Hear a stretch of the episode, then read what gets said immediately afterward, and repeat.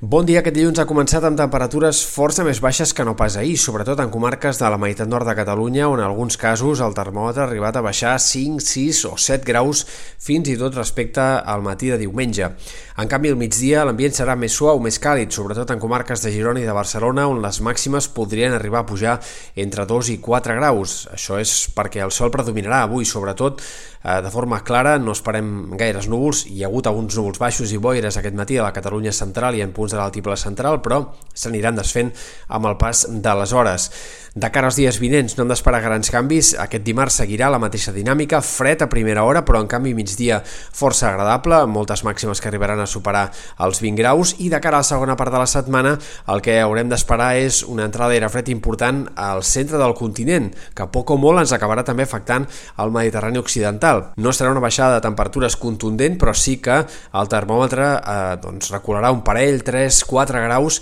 i això mantindrà molt viva aquesta sensació de tardor que ja hem tingut en aquests últims dies i que està fent que portem un octubre de moment amb temperatures més baixes del que estàvem acostumats en l'última dècada, si més no, una tardor més real que no pas les últimes o més com les d'abans. Això seguirà així, per tant, aquesta setmana, tot i que pugui pujar una mica avui demà el termòmetre al migdia, de cara a la segona part de la setmana tornarem a tenir temperatures baixes per l'època.